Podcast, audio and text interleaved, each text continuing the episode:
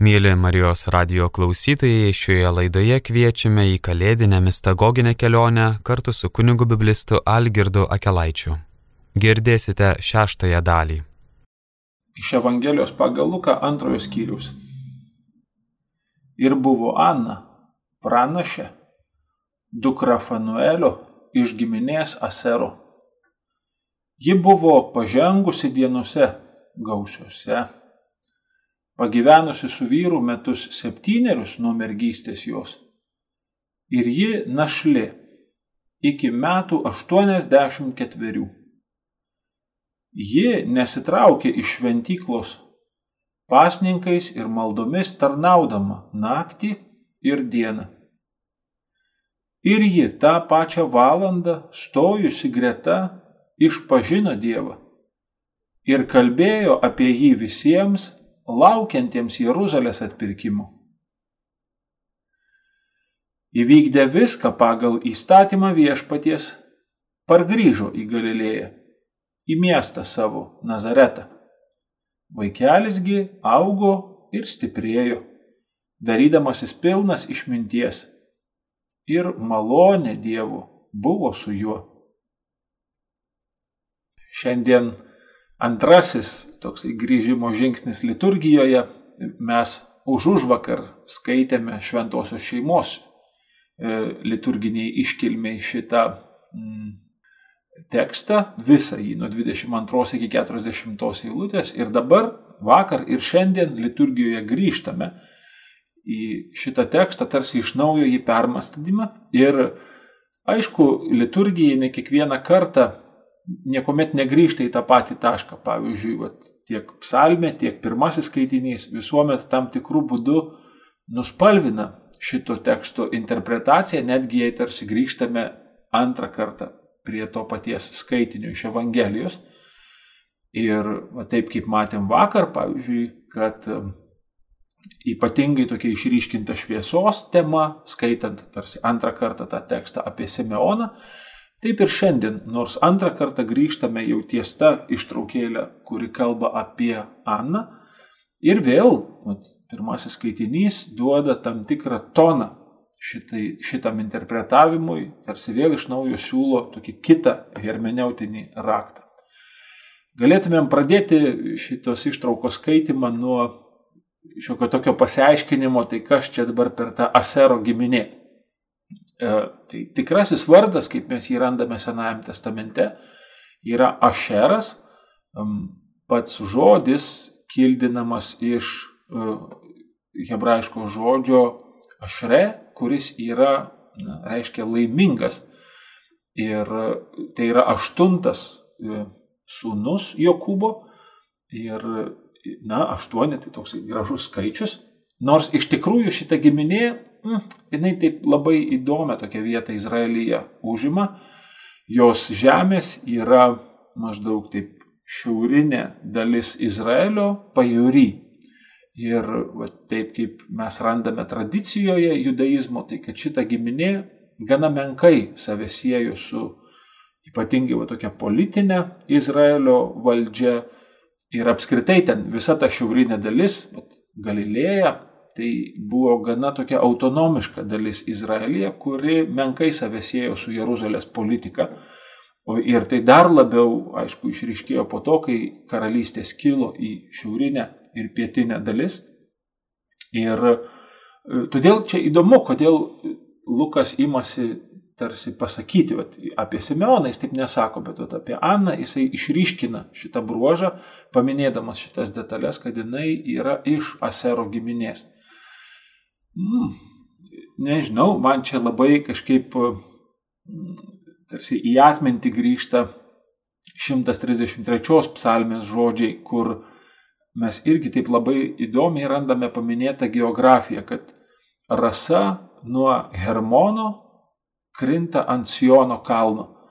Ir čia, na, yra tokia versija aiškinti tą psalmę, kad ta Hermono rasa, kuri iš tikrųjų yra na, vienas iš tokių pačių šiauriausių taškų Izraelyje, o Sionas yra pietinėje dalyje ir kad tai yra va, ta Dievo malonės rasa, kuri yra ir šiaurinėje, ir pietinėje karalystės dalyje Ir visa ta psalmė, jinai sako, štai kaip gera ir malonu ten, kur broliai gyvena kaip vienas. Ir ko gero tai yra psalmė, kuri taip ilgesingai prisimena vieningos karalystės laikotarpį. Ir gali būti, kad čia Lukas irgi imasi interpretuoti, taip gretindamas Simeoną, kuris ko gero yra, va, gal net Jeruzalės gyventojas, tas žmogus, kuris yra arti savo šaknimis Jeruzalės ir pietinės karalystės.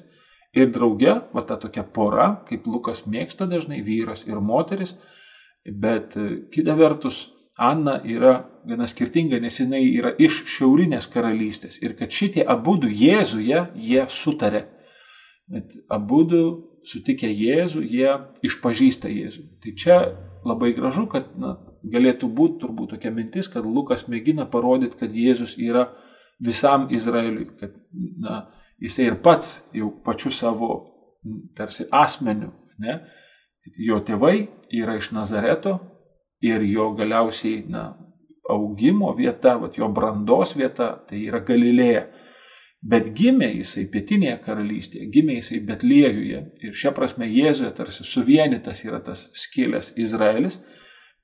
Ir čia netgi tie, kurie liudyja apie jį, ir jie vat, savo liudijimų vienyje Izraelį.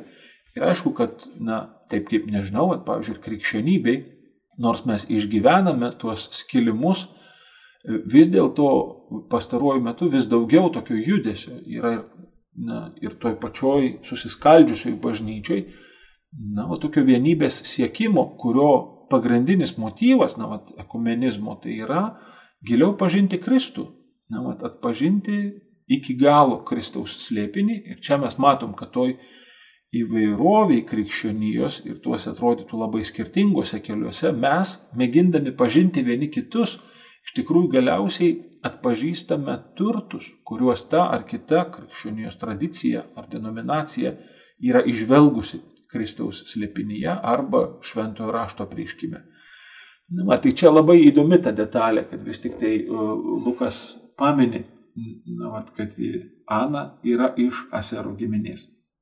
Ir uh, dar vienas labai įdomus bruožas, kad Ana iš tikrųjų na, va, mes taip sakom, kad jinai yra tokia išorinė liudytoja, kaip ir daugelis tų išorinių liudytojų vaikystės pasakojime, bet vis dėlto mes neišgirstame nei vieno jos žodžio.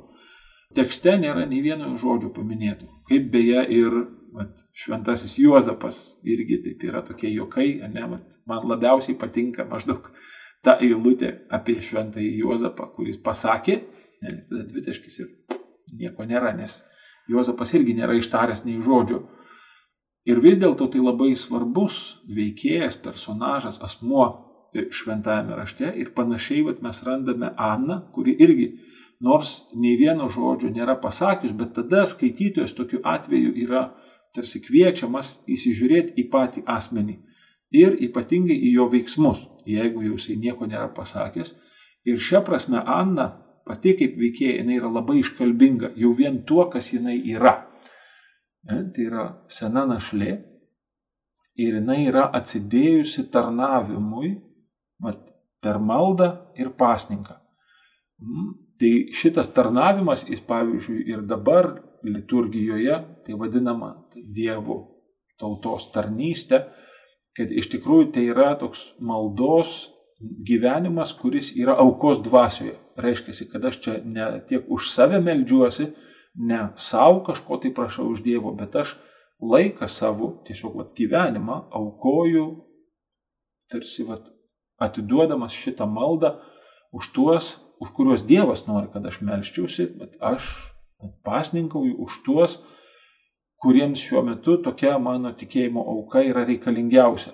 Ir čia labai panašu, kad va, tas jos veiksmas rodomas kaip toks, na, tarsi, na, va, idealas. Ir liturgija šiandien, jeigu ypatingai palygintumėt vat, pirmo skaitinio mintį, gali būti, kad liturgija stengiasi šitą pabrėžti, kad Anna yra, na, tam tikrą prasme kaip asketė, e, jinai, vat, jos tas gyvenimas labai taurus, jinai pasižymi gyvenimo kilnumu, kuris labai atitinka ir pranašystės dovanos kilnumą, nes vat, pranašai, nu, kaip mes juos randame Biblijoje, iš tikrųjų jų ne tik tai žodžiai yra reikšmingi, bet ir pats jų elgesys, pats jų gyvenimo būdas, prisiminkim, pavyzdžiui, ten, nežinau, Izaiją, kur jo pati šeima, ten jo sūnus tampa pranašiškais ženklais. Tai čia irgi labai panašu, kad Anna Lukas rodo kaip visą reikšmingą. Na, vat, kad jos žodžių mes negirdim, bet jos pati gyvenimo istorija ir jos elgesys šitoj ištraukoj, jis jau savaime yra pranašiškas ženklas. Ir čia, ko gero, reikėtų, na, prisiminti, kai kam tai nėra naujiena, bet kai kam tai galbūt bus naudinga kažkaip, na, pa, pažymėti, pabrėžti, kad uh, pranašystės dovana ir pranašystės, va, toks fenomenas Biblijoje, jisai šiek tiek skiriasi nuo populiaraus supratimo apie pranašystę. Šiandien tokioj bendriniai kalboj pranašavimas labai dažnai suprantamas kaip ateities nusakymas. Na, vat, kad pranašas tai yra tas, kuris atspėja arba jam yra kažkokiu būdu apreikšta ateitis. Biblijoje pranašas jis yra tas, kuris atpažįsta Dievo valią, jam yra apreikšta Dievo valia ir jisai tą Dievo valią yra pašauktas komunikuoti. Vat reiškia, jis yra pašauktas tai nusakyti suprantamu būdu to meto tikėjimo bendryjei, kuri yra toje situacijoje atsidūrus. Tai šia prasme ta pranašystės dovana jinai menkai susijusi yra su ateities nusakymu. Ateities nusakymas ten yra taip sakykime, šalutinis tarsi produktas. Nes nusakant šitą Dievo valią, pranašai dažnai pabrėžia, kas bus, jeigu tos valios laikysies ir kas bus, jeigu tos valios nesilaikysi. Bet iš tikrųjų svarbiausias dalykas tenai yra, vat, ko Dievas dabar šitoj situacijai iš šitos Dievo bendrijos nori. Ir vienas toksai bruožas labai svarbus šito pranašiško žodžio, kad jisai iš tikrųjų yra tiek atviras interpretavimui, kad pavyzdžiui net ir dabar bažnyčia, sakykime, po 2000 metų, po daugiau negu 2000 metų ten ankstyvieji pranašai, tai ten jau ir jie pustrečio tūkstančio metų, 2700 metų iki tų at, pačių ankstyviausių pranašyščių, tenai bažnyčia grįžusi į tuos tekstus, jinai randa savo atsakymus, pranašiškus atsakymus apie tai, ko Dievas nori iš mūsų šiandien. Ir, na, va, tas pranašiškas žodis, jis pasižymė tokiu tikrai, va, na, tokiu tarsi dieviškumo ypatingu patepimu, tokiu dieviškumo anspaudu, kad dvasia jinai byloja per tą žodį po šiai dienai, iki tiek, kad, na, va, pavyzdžiui, ankstyvoji bažnyčia ypatingai grįždama iki pranašiškų tekstų, jinai sugebėjo išvelgti tenai na, vat, Kristaus slėpinio, na, vat, tokius raktus, atverimą, o kaip suprasti, kas toks yra Jėzus. Ir čia va tas bažnyčios atpažinimas, ne, kad Jėzus yra Kristus. Ir ypatingai ta ankstyvoji teologija apie tai, o ką reiškia, kad Jėzus yra Kristus, koks Kristus jisai yra, na, va, tai tenai pirmiausia pranašiškiai tekstai bažnyčiai tapo tokiu raktu, va, kaip atpažinti iki galo, kuo giliau na, mat, Jėzaus slėpinį. Ir po šiai dienai mes iš tikrųjų iki tų tekstų grįžtam, mes tuos tekstus vėl iš naujo, tarsi brangindami juos skaitome. Ir čia labai įdomu, ne, kad vat, Lukas sako, kad Anna yra pranašė ir mes tarsi sakytumėm, na, vat, kaip svarbu tada mums išgirsti jos pranašystę, išgirsti tą, vat, ko Dievas nori, o jinai nei, nei žodžio tarsi nepasako. Mm, Na va, tai čia įdomu. Čia man atrodo, kad taip iki galo norint pamėginti tarsi išlūkštenti va, šitą tekstą, vis tik tai reikėtų pasigilinti į tas moteriškas figūras va, Senajame testamente, va, tas moteris pranašės. Tai čia Mirijam, va, Mozės sesuo, taip pat Debora, tada Hulda iš pirmosios karalių knygos, tada Izaijo žmona va, irgi yra pranašė. Tai reikėtų pamėginti pereiti tarsi per tas vat, pranašas moteris, e, siekiant tikrai vat, atpažinti, ne, vat, o ką galbūt Lukas mėgina mums parodyti, nes aišku, kad jisai remiasi anomis pranašėmis kalbėdamas apie Aną ir vat kuriuos bruožus jisai mėgina išryškinti šitoje našlėje.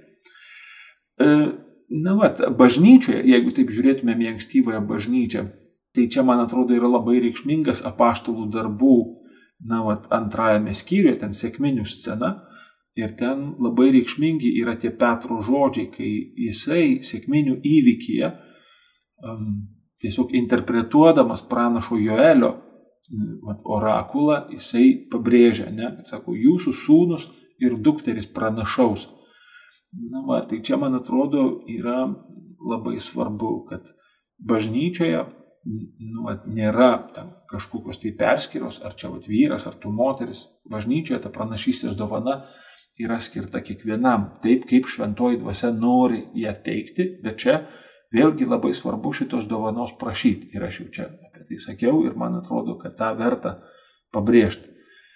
Ir iš tikrųjų, pavyzdžiui, bažnyčia Lietuvoje šiuo metu na, tam tikrą prasme yra tikrai labai pasimetime dideliam, nes laikas mus jau gana seniai yra aplenkęs. Vat kultūra, ypatingai ta kultūra, kuri ateina iš vakarų, jinai tiesiog pašėlusiais žingsniais žengia pirmin ir bažnyčia jau gana seniai šitos kultūros nebepasivėja ir nebesugeba adekvačiai reaguoti į tos kultūros pokyčius. Pavyzdžiui, na, ypatingai tai, kas ten, nežinau, su šeima susiję, ar su pagarba gyvybei, ar ne, tiesiog mes nebespėjom tų kovų, tų gaisrų gesinti. Ir čia tikrai kažkaip vertėtų, man atrodo, prisiminti, kad na, va, ta pranašiškoji dvasia yra na, kažkas tikrai ypatingo. Ta prasme, kad, na, va, sakykime, Izraelis, ne, jeigu tai paimtumėm Izraelį, um, jie išėję į tremtį jie buvo atsidūrę ant tokio pražūties lenkščio. Nu, ten jau garantuotai, nes tremtis ir yra nutaikyta į tai, kad maždaug, na, tauta ištremta į svetimą aplinką ir jie buvo ištremti į žymiai tokią stipresnę ir intensyvesnę aplinką. Tiek religinių, tiek politinių, tiek ten, ekonominių požiūrių. Ir, na, buvo toks tikslas, kad izraelitai asimiliuosis su babiloniečiais ir galiausiai kaip tokie išnyks. Bet va ten ta pranašiškoji dvasia sugebėjo tiek atpažinti va tą Dievo norą, o žingsnį ten reikėjo padaryti didžiulį, ne, nes tauta suprato tremti kaip Dievo bausmę, kaip Dievo nuosprendį. Mhm. Ir va ten per tos 50 metų vis dėlto buvo atrasti tokie atsakymai, kurie na, tapo Izraeliui iš tikrųjų visiškai nauja pradžia iki tiek, kad ten pranašai rodo grįžimą iš tremties kaip naują egzodą. Reiškia, tarsi naują gimimą šitos tautos. Na va, tai čia, man atrodo, irgi labai reikšminga šita diena, kurią mes skaitom šitą Evangeliją, nes, na va, paskutinė metų diena, e, jau rytoj naujieji metai, na, kaip galėtumėm sakyti, tokie, na, pasaulietiniai metai, nors iš tikrųjų net ir pati bažnyčia, jinai, sakykime, nors ir labai akcentuoja, kad liturginiai metai prasideda nuo advento pradžios, bet jeigu jūs vat, pavartytumėt trupučiuką mišiolą, tai jūs pamatytumėt, kad net ir pati bažnyčia mišiolą, pavyzdžiui, sudarinėja pagal pasaulietinių metų kalendorių. Na, vat, kad, sakykime, ten atskiri minėjimai mišių, ten kur kuris šventasis minimas kalendorius, tai yra nuo sausio 1 iki gruodžio 31, o ne nuo advento pradžios ir ten iki Kristaus karaliaus iškilmės. Tai čia bažnyčia ir pati jinai, taip viena koja liturginiai tvarkoji, o kita koja tuose pasaulietiniuose metuose. Ir čia, man atrodo, irgi labai svarbu na, šitie žingsniai liturginiai, kurie vis dėlto mes žymime tos pasaulietinius metus, mes pirmąją dieną švenčiame Mariją, Dievo gimdytoją bet ne ką mažiau svarbi ir metų pabaigos diena. Liturgiškai tai yra šiokiadienis, bet man atrodo, tai, kad mes čia šiandien sutinkame šitą našlę, kuri yra pranašė, yra pakankamai reikšminga Dievo žodžių akivaizdoje, nes tikrai, na, vat, pavyzdžiui, šitie metai labai aiškiai parodė, kad na, mums teks ieškoti dar turbūt labiau tikėjimo atsako į tuos iššūkius, kurių mes dabar metų pradžioje net negalim numatyti. Pavyzdžiui, pernai metais, įžengdami į tuos metus, mes net negalėjom numanyti, ne, kad vat, bus dvi didžiulės pandemijos bangos, kurių viena va, dar nėra pasibaigusi. Va, tų iššūkių, kur tarsi po tą pandemiją dabar dar ir kitos krizės yra pasislėpusios, nors iš tikrųjų ten yra žymiai daugiau. Šitie metai jie atnešė daugybę išbandymų ir aišku, kad mūsų laukia kur kas na, tikrai nekaramesni metai negu šitie buvo. Ir na, mums teks daryti tikėjimo na, tokius žingsnius, nes kitaip mes tą tikėjimą tiesiog prarasim. Mums šitie iššūkiai sulaužys tikėjimą. Ir jeigu mes norime išsaugoti, mums teks bręsti tikėjime. Tai va čia prasme galime tikrai šitą seną, daug ko mačiusią moterį, kuri turi pranašystės dovaną, vis tik tai na, pasimti tarsi kaip bendražygė, einant per šitų metų slengsti. Ir tikrai, na, kreipiantis į ją, mat šitos Evangelijos akivaizdoj, kad jinai pranašautų apie šitos mūsų metus. Ne tai, kad pranašautų, kas mūsų laukia, bet pranašautų, ko Dievas nori iš mūsų kaip bažnyčios, ko Dievas nori iš manęs kaip parapiečių, ko Dievas nori iš manęs galiausiai kaip šeimos nario. Tai čia ta pranašystės dovana, jinai labai susijusi su tokiu ženklų stebėjimu. Na, man tarsi klausiant Dievui, užduodant šitą klausimą ir tada su kantrybė mėginant dairytis apie save, ką Dievas man parodys kaip reikšminga, kur Dievas mano dėmesį sutelks ir parodys, kad vat, tai, ką tu dabar matai, yra reikšminga. Tai čia vat, tokia pranašystės dovanos tokie pirmieji žingsniai.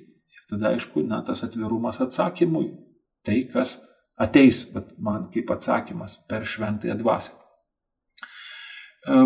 Na va, tai čia ar užteks, aišku, to, kad nu, bažnyčia net ir dabar šitos krizės akivaizdoje jinai trupučiuką užėmė tokią susitraukimo poziciją, kad mes tarsi na, vat, ištversim šitą laiką, nu, maždaug, kad mes iškesim ir šitą tokį išmėginimą.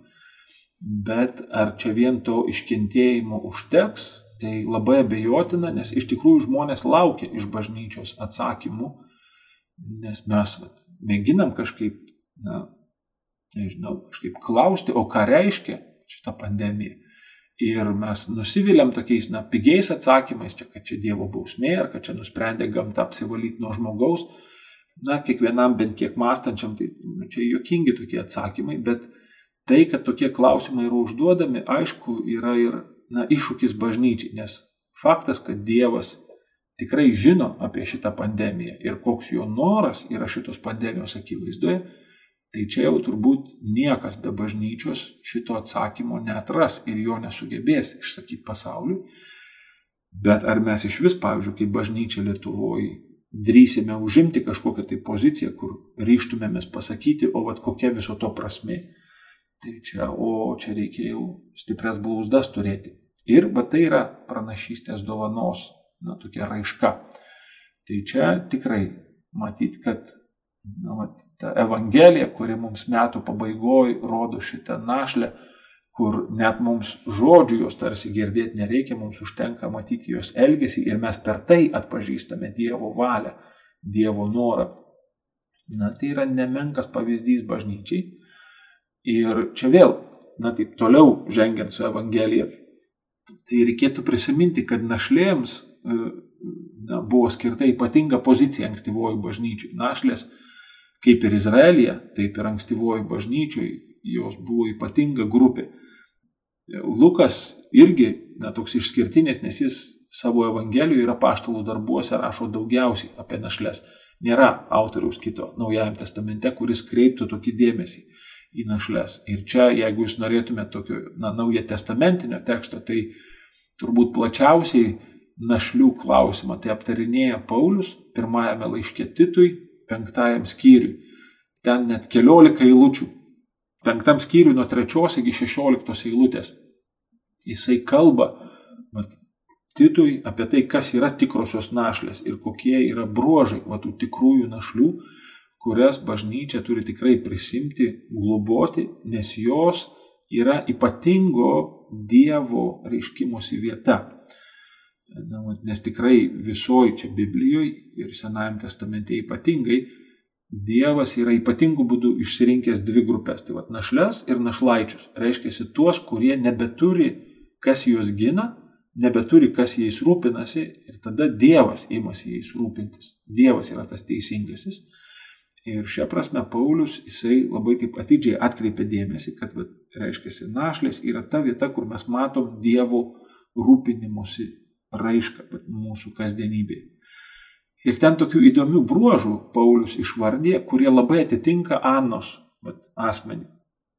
Na, pavyzdžiui, Paulius sako, kad našlė, jinai yra jau tikrai pripažintina našlė, jeigu jie yra virš 60 metų. Ir kita vertus, kai jau aišku, kad jinai pasirinko savo amžių nugyventi viena po vyro mirties, kad jinai jau nebetekės antrą kartą ir kad jinai tikrai vat, eis savo gyvenimo kelionę toliau viena, Ir dar vienas bruožas, tai kad jinai vat, atsideda tam tarnavimui, malda ir užtarimu. O čia yra tokie pagrindiniai tarsi bruožai, aišku, kad jinai vat, vieną kartą yra ištekėjusi. Ir man tai yra tokie tarsi na, pagrindiniai bruožai, kurie atskiria tas tikrasias ir na, ne visai tikras našlės bažnyčioje. Ir Lukas šitai vietoj jisai rodo Anos amžių kaip tobulą nežinau, ar jūs čia esate suskaičiavę, bet, na, va tie septyneri metai, kuriuos jinai nugyveno su vyru ir po to jinai našlaudama sulaukė 84 metų. Tai atėmus tuos septynis iš tų 84 gaunasi 77 metai.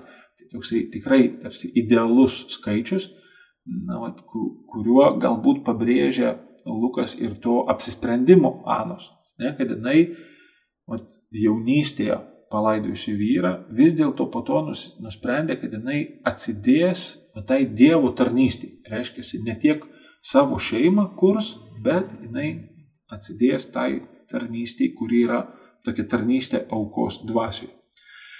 Ir, na, vad, gali būti, kad čia vėl reikėtų tyrinėti, čia aš nenoriu jums užbėgti už akių, bet na, vat, aš tikrai jums siūlau, atkreipkite dėmesį į kitą labai garsę našlę mm, Senajame testamente, tai Judita. Jai visa knyga, Juditos knyga yra paskirta ir čia labai svarbu atkreipti dėmesį, kad vardas Judita išvertus iš hebrajų kalbos reiškia judėjė. Nu, vat, Jehudit tai reiškia, kad, na, moteris judėja.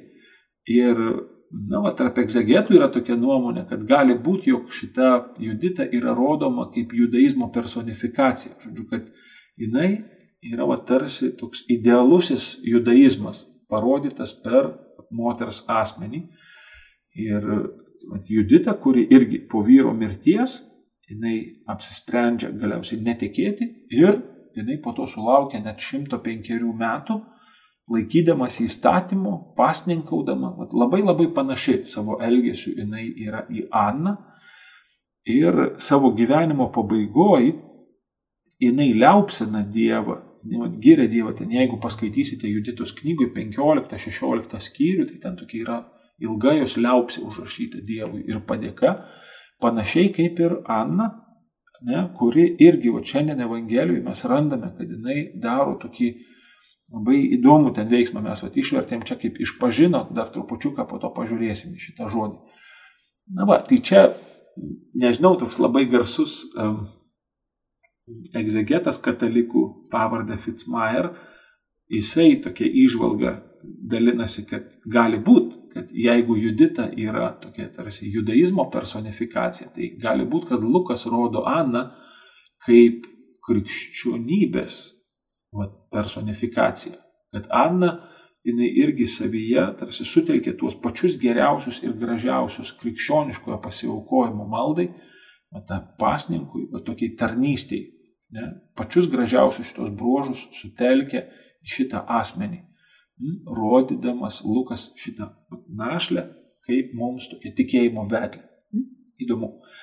Ir galiausiai, vat, kaip jau sakiau, tas jos veiksmas, kuris graikiškai tai yra anthomologeo, tai yra sudurtinis žodis, homologeo graikiškai reiškia išpažinti. Ir tada yra prielinksnis anti. Ir tas vat, prielinksnis čia ir kelia problemas su šito žodžiu. Naujajam testamente šitą žodį vartoja tik evangelistas Lukas ir tik tai ši čia. Mm, ir tas vat, prielinksnis anti, jisai gali reikšti, na, tarsi prieš priešą, bet gali reikšti, kad ir veiksmas yra vykdomas vietoj ko nors arba tarsi, na, vat, savo ruoštų. Pavyzdžiui, ten jūs prisimenat Evangelijoje, kaip sakote, nekvieskit visokių ten geriečių ir turtingų į savo vaišės, nes gali būti, kad jie jūs anti pasikvies. Ne, reiškia, pasikvies savo ruoštų. Ne? Tarsi va, jie supras, kad dabar jie turi jūs pasikviesti ir jie padarys tą anti veiksmą. Reiškia, savo ruoštų pakartos tą veiksmą, kurį jūs padarėte. Tai va, tai tas anti jisai gali reikšti, na, kad va, išpažinti atliepiant, ne, kad tai gali būti, kad šitas antomologėjo veiksmas reiškia, kad jinai išpažįsta um, atsiliepdama į tai, ką jinai išgyvena Jėzaus akivaizdoje, tai, ką jinai atpažįsta Jėzuje, jinai dabar daro tą antomologiją, tarsi atsiliepdama jinai išpažįsta Dievo teisumą, tai, ką Dievas daro Jėzuje. Gali būti, kad tai reiškia, na, kad jinai savo ruoštų išpažįsta, ne, kad uh, jinai vat, tai, kas yra vat, Jėzuje, tai dabar Anna irgi, nuėjusi savo gyvenimo kelionę, jinai irgi liaupsina Dievą tarsi savo giesmę, Dievui gėdodama Jėzaus akivaizdu. Ir gali būti, kad šitas antamologeo reiškia išpažinti Dievą vietoj kito. Ne? Reiškia, kad jinai, vat, stojusi greta Jėzaus, Jėzus dar nekalba, bet jinai liaupsina Dievą Jėzaus vietoje. Hmm, kad jinai tokia va tarsi yra kaip užtarėja ir kad jinai šitai, šitam kūdikiui suteikia savo išmintį, savo žodžius. Ir taip kaip kartais yra sakoma, kad žmogus yra gamtos burna. Ne, kad va, žmogus liaupsina Dievą žodžiais, pažindamas gamtos grožį. Tai čia va, irgi įmanoma tokia interpretacija, kad Anna yra ta, kuri stojusi greta Jėzaus yra pirmoji, kuri tarsi vat, vietoj Jėzaus ne, išpažįsta Dievą. Ir tai yra reikšminga dėl to, kad po to Evangelijoje mes randame tą Jėzus veiksmą, kad jisai Jėzus išpažįsta tėvui, ne, sakydamas, tu tai apreiškiai ne, mažutėliams, o paslėpiai nuo gudriųjų. Ir tada jisai sako, ne, kad vat, e, tas, kuris mane išpažins žmonių akivaizdoje, tą aš išpažinsiu tėvo akivaizdoje. Žodžiu, šitas homologeo veiksmas, jisai yra Jėzaus veiksmas Evangelijoje ir tai, kad čia Ana daro tą antamologeo veiksmą, gali būti, kad jinai tarsi yra vat, ir šią prasme pranašė, kad jinai rodo, jog Jėzus yra tas išpažintas, tas tobulasis Dievo išpažintojas, kurį dabar Anna paskolindama savo suvokimą Jėzui išpažįsta Dievą šito kūdikio akivaizdu. Ir paskutinis dalykas, kurį aš šiandien norėčiau atkreipti, na, vat, tokioj perspektyvoj, to, ką mes matom vat, kol kas iki šitos dienos kalėdų laikų. Tai nežinau, ar jūs atkreipėte dėmesį, kokie nuostabų žmonės yra aplinkui Jėzų. Na, vat, aišku, Erodas tai ten jis eina savo keliu, bet vat, šiaip, kokie yra nuostabus šitie Evangelijos žmonės, kuriuos mums evangelistai rodo Jėzaus artume pradedant nuo tokių tarsi nematomų visai žmonių, pavyzdžiui, na, o kieno namuose jie buvo Betliejuje. Mes taip, sakau, vakaruose tai esam taip linkę, na, tos žmonės taip tokius piktus daryti Betliejuje, kad maždaug vos ne Marija ten tvartą turėjo pagimdyti. Bet iš tikrųjų akivaizdu, kad juos kažkas priėmė į namus. Ar tai buvo giminaičiai Juozapo arba Marijos, ar vis dėlto tai buvo žmonės, kurie tiesiog atvėrė šitai keistai porai. Ne, duris. Tai vad nuo tokių visiškai atrodytų svetingumo, gal net neužtarnauto svetingumo apraiškų, iki galiausiai tokių tų veikėjų, kurie yra tokie nuostabus - Juozapas, Marija, Elsbieta, Zacharijas, ne, dabar Ana, Simeonas, va, kurie dalis iš jų iš tikrųjų tik savo gyvenimo pabaigoje priejo iki tokio vat, lūžio taško, jie gyvenimo pabaigoje sutinka Kristų. Na, va, tai čia man atrodo, kad čia šviečiasi toksai trupučiukai ir pačiai bažnyčiai padrasinimas, kad e, kartais iš tikrųjų kyla toksai labai rimtas klausimas, nu, o kam tada bažnyčiai? Kam čia tada bažnyčiai laikytis įsitvėrus to savo, na, kažkokio užsispyrėliško, na, vat, ryšto gyventi teisiai Dievo akivaizdoje, laikytis moralės, kuri atrodytų, ten, nežinau, pasenus dar kažkokiu tai, tarsi mėginti kažkaip, na, vat, tikrai tokio idealo siekti. Na, ryštingai, dažnai klumpant ir tada vėl stojantis, vis tiek kažkaip ryštis sekti Dievą, na, atsekti Kristų visom jėgom, kiek tik tai yra. Ir čia, vat, man atrodo, kad šitie vaikystės pasakojimai duoda tam tikrą atsakymą, kad tikrai verta pasistengti būti na, vat, kuo arčiau šito idealo, nes mes nežinome, kas iš mūsų gims. Mes nežinome, kas po mūsų ateis, ta naujoji karta, kuriai mes jau dabar esame aplinka. Na, va šita ideali terpė, kurią mes po to taip sakom, kad tai apvaizdus yra darbas, ne, kad jinai tarsi į vieną laikotarpį Izraelio istorijoje surinko tą tokį būrį idealių žmonių, kurių tarpe ne tik tai gimė Jėzus, bet jisai ir subrendo. Ne, tai va yra tie 30 metų, kurių mes nematom, tik po to sutinkam tą jau dvasios milžiną. Hmm? Na va, Ir šią prasme bažnyčia irgi gali būti kaip tie senieji Evangelijos žmonės, kurie visą savo gyvenimą gyvena tarsi net nematydami, o kokia to prasme. Nes, pavyzdžiui, Zacharijas ir Elisbieta, jie visą savo gyvenimą gyveno labai ištikimai Dievui, net nematydami, kam to reikia. Ir vat, jų tas ištikimas gyvenimas Dievui, jisai galiausiai randa tą savo garsą ir prasme jau jų visai senatviai Tuomet, kai Kristaus artume jau ateina apreiškimas apie Joną. Ten staiga paaiškėja, kad labai reikėjo, kad jie būtų ištikimi Dievui, nes jų šeimoje subręsta Jėzaus pirmtakas. Na, va, tai čia mes kaip bažnyčia mes irgi nematom nei žingsnio į priekį. Ir mes nežinom, kas iš mūsų gims. Mes nežinom, na, va, kokia ta bus karta po mūsų. Ir vis dėlto Evangelija labai akivaizdžiai ragina būti tą, tikrai, na, pasistengti būti tą idealią bažnyčią, kuri būtų tiek atvira Dievui, kad kartotųsi šitas kalėdų stebuklas, ne, kad gimtų Kristus į tą aplinką, kuri esame mes. Na, taip kaip judaizmas tuo metu per savo brandą ir per savo ištikimybę Dievui tapo tiek atviras, kad į tą judaizmą gimė Dievo sūnus, Tai yra labai rimtas paraginimas bažnyčiai. Ir dabar ryštis vėl šitam atvirumui, vėl šitam visiškam atsidavimui Dievui, kad ir dabar į tuos metus, kurių mes net nežinom, kas čia mūsų laukia, kad ir čia na, mes būtume tiek atviri Kristui, kad jo buvimą su mumis patirtume ir jo vėl naują, adekvatų šiems metams ryškimasi, mes ir liudytume, ir draugė priimtume. Garbė Jėzui Kristui. Mėly Marijos radio klausytojai, šioje laidoje leidomės į kalėdinę mistagoginę kelionę kartu su kunigu biblistu Algirdu Akelaičiu. Klausėmės šeštosios dalies. Likite su Marijos radiju.